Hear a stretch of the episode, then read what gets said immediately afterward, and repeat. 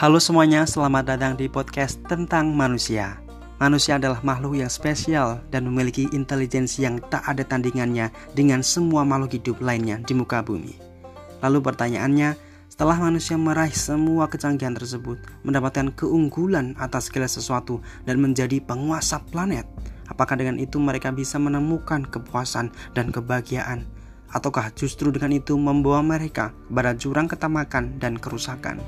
Well, podcast ini mengajak kita semua untuk berpikir ulang tentang tujuan hakiki dari keberadaan kita, memaknai ulang eksistensi kita, dan merekonstruksi kembali tatanan kehidupan kita dengan kebijaksanaan dan perenungan.